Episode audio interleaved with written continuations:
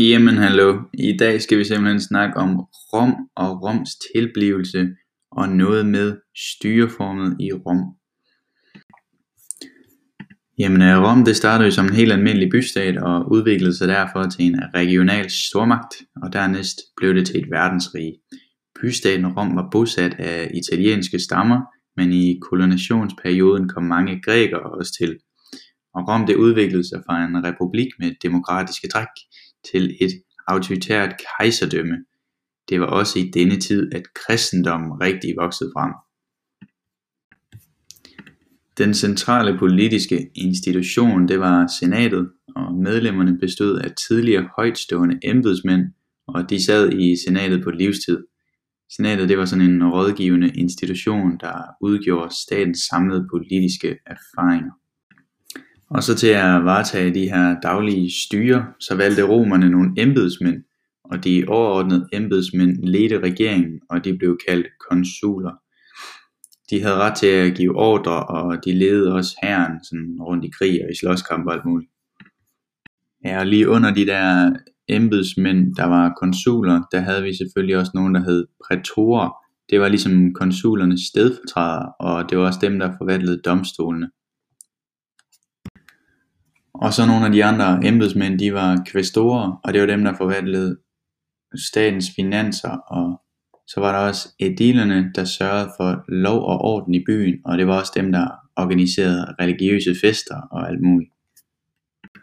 Og så er et rigtig vigtigt begreb her til sidst, det er selvfølgelig censorembedet, fordi det var nemlig censorens opgave at inddele de her folk her i formueklasser.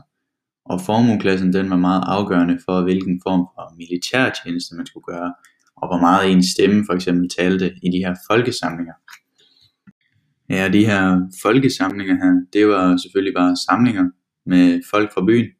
Så kom man bare hen og mødtes, og så øh, blev der vedtaget lovforslag for eksempel, og det var rigtig tit med håndsoprækning det foregik, fordi man havde jo ikke sådan nogle smarte stemmesedler og alt den slags.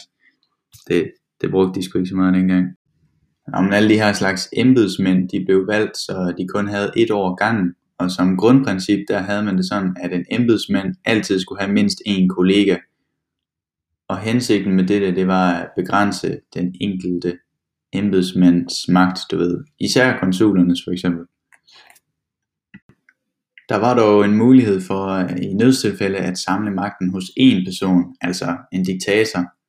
Men til gengæld, så var det kun for et halvt år, og alle de her embedsmændsposter, de var ulønnet, så det var selvfølgelig ikke de fattige plejber, der kunne stille op til sådan noget her. Det var selvfølgelig kun de rige patricier. Og nu skal vi til at snakke om to skægge begreber, nemlig patricier og plejber.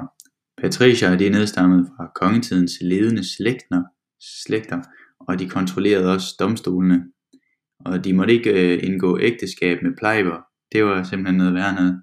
Fordi de her plejber, de var hovedsageligt almindelige bønder, og de var oftest ikke særligt godt økonomisk velstående. Og så er der to begreber i næsten samme boldgade, nemlig patroner og klienter. De her patroner her, de havde klienter, som var bundet til dem, og patronerne de skulle så hjælpe klienterne økonomisk, og så skulle de også beskytte dem, så de ikke døde af alt den slags der. Det kan vi jo kan. Men øh, til gengæld så skulle de her klienter så støtte patronernes politiske sådan, arrangementer og alt det der hallo. Så hvis de gik ind for et eller andet politik, så skulle klienterne så stemme på dem og alt det sjove der.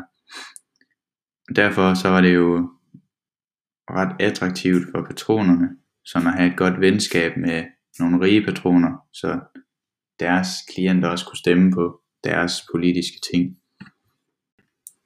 Nå, men nok om alle dem, der var venner. Nu skal vi til at snakke om dem, der blev uvenner i stedet for.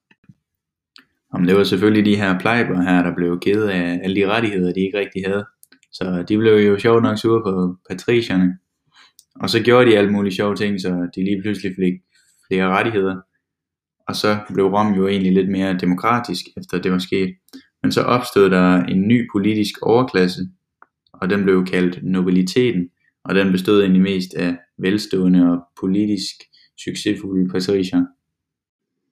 Nå, men altså den her lille gruppe, der hedder nobiliteten, den synes jeg egentlig ikke er sådan super spændende, så øh, jeg tænker egentlig bare, at vi siger tak for i dag. Men øh, det, var, det var sgu egentlig meget sjovt det her. Men øh, Ja.